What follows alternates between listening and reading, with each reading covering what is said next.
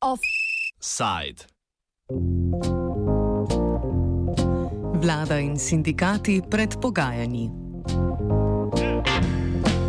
Vlada namerava še pred poletjem sprejeti spremembe treh zakonov, ki zadevajo delo. Gre za spremembe delovske, davčne in pokojninske zakonodaje.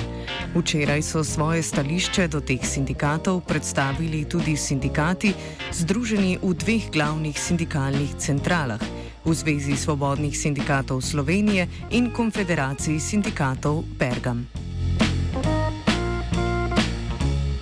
Najpomembnejše spremembe zakona o urejanju trga dela se nanašajo na zvišanje minimalnega denarnega nadomestila za primer brezposelnosti in hkratno zaostrovanje pogojev za pridobitev nadomestila za brezposelnost. O zvišanju rente Jakob Počevalšek, predsednik KKS Pergam. Pozitiven ukrep, ki je zvišanje najnižjega nadomestila za primer brezposelnosti.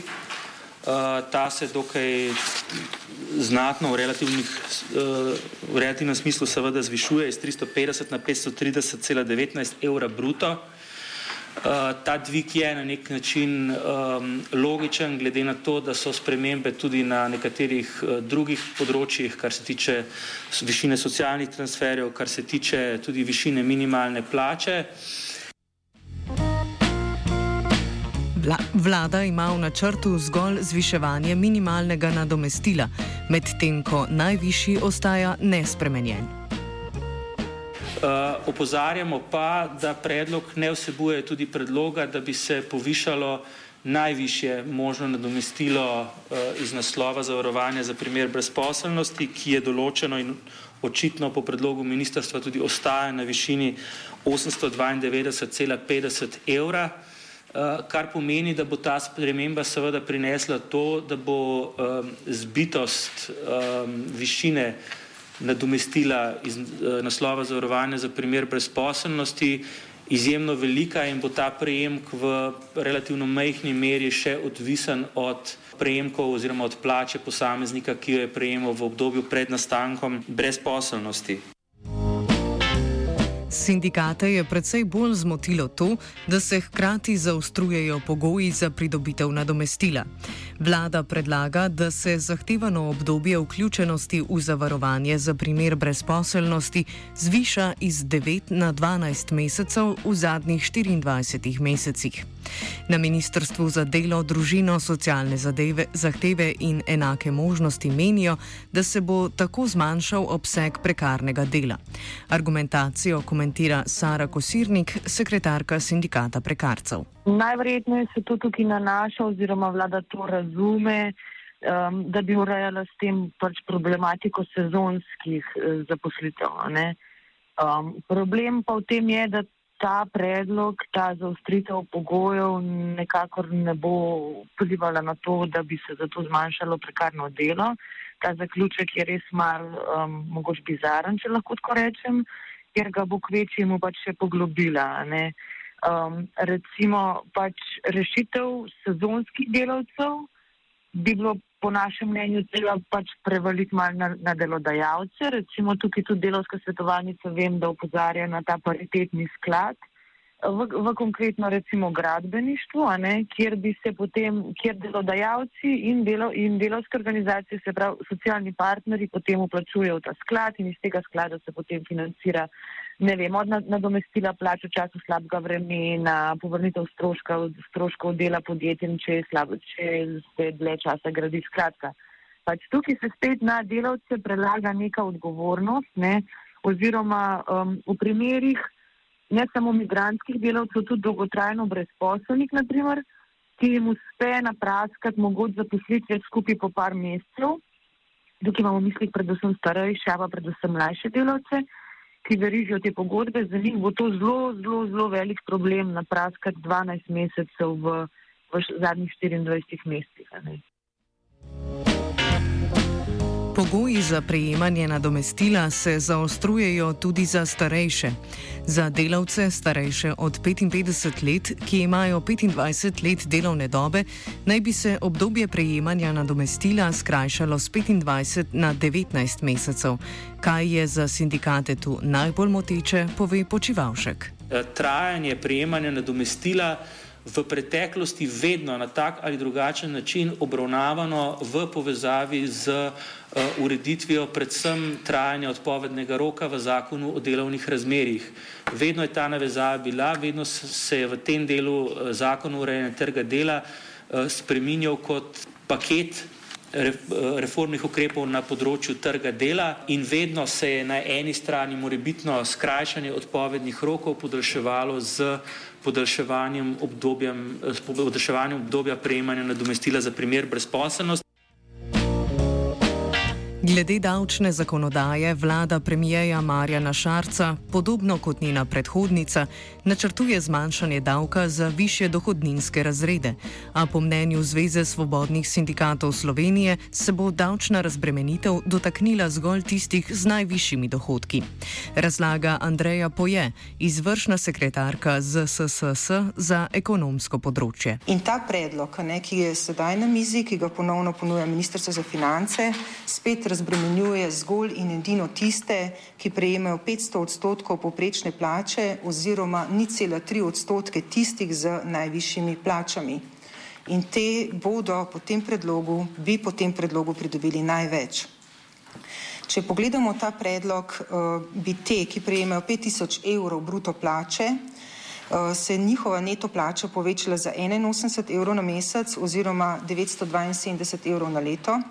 Tisti, ki imajo več kot 8900 evrov bruto, pa 187 evrov neto na mesec oziroma 2240 evrov neto na leto. V sindikatih namesto tega zahtevajo preureditev davčnih prihodkov države, tako da bi večji delež predstavljali davki na kapital. Pogajalska izhodišča sindikatov pa so.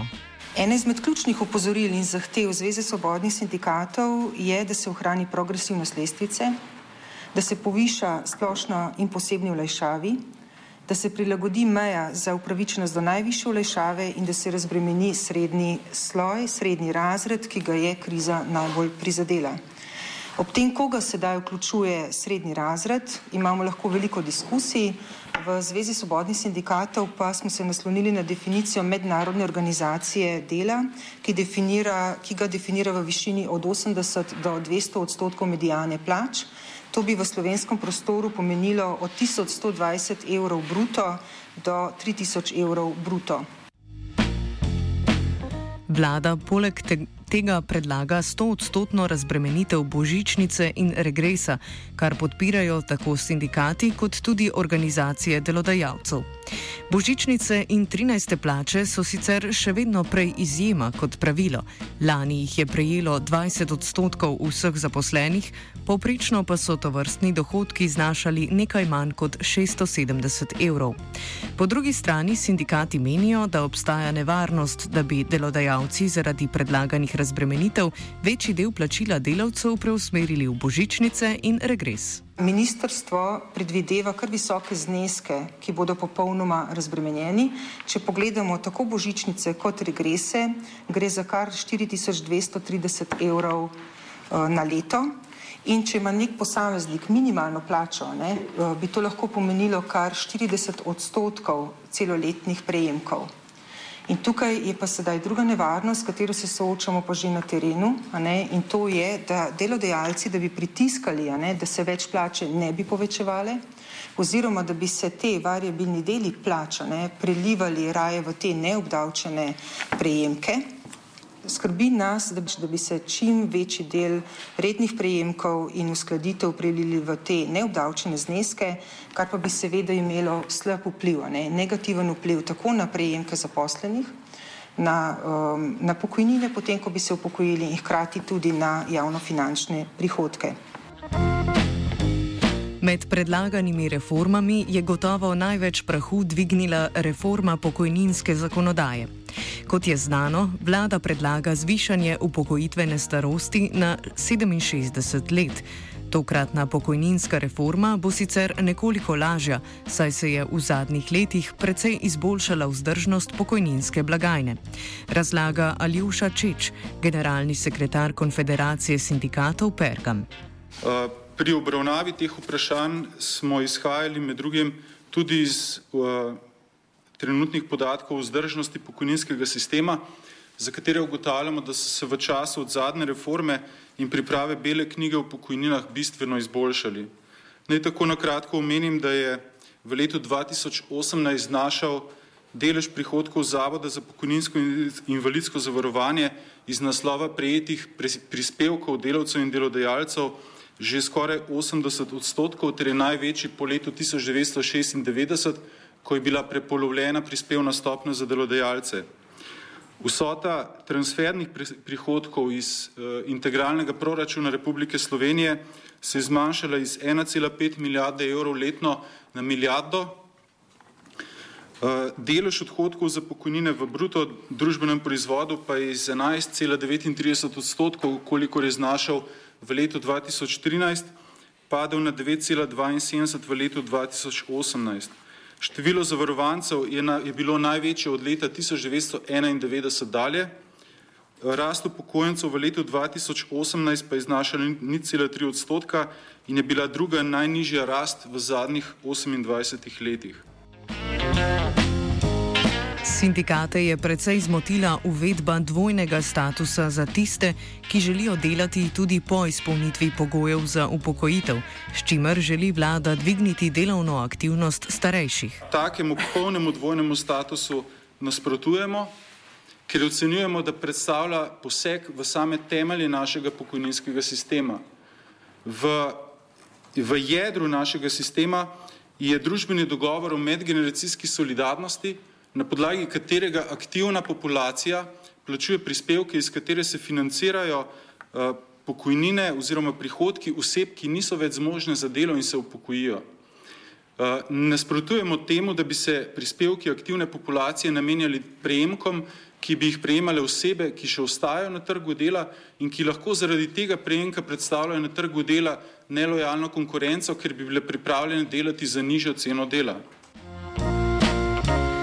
Glede dviga upokojitvene starosti v sindikatu menijo, da ne more biti predmet tokratnih pogajanj, ki jih vlada želi končati že do poletja in želijo, da se to vprašanje preloži na kasnejša pogajanja.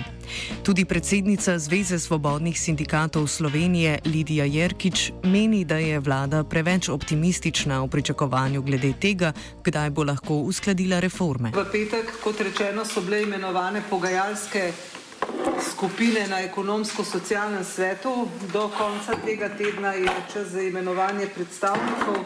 Pričakuje se, da te skupine začnejo delo z eh, mesecem aprilem, aprilom. Kako hitro bodo potekala usklajevanja, je sicer težko eh, presoditi. Po izkušnjah sodeč to nikoli ni šlo zelo hitro, zato je ambicija vlade, da bi to posredovala pred poletjem v državni zbor verjetno uh, nerealna. Offside je pripravil Gal.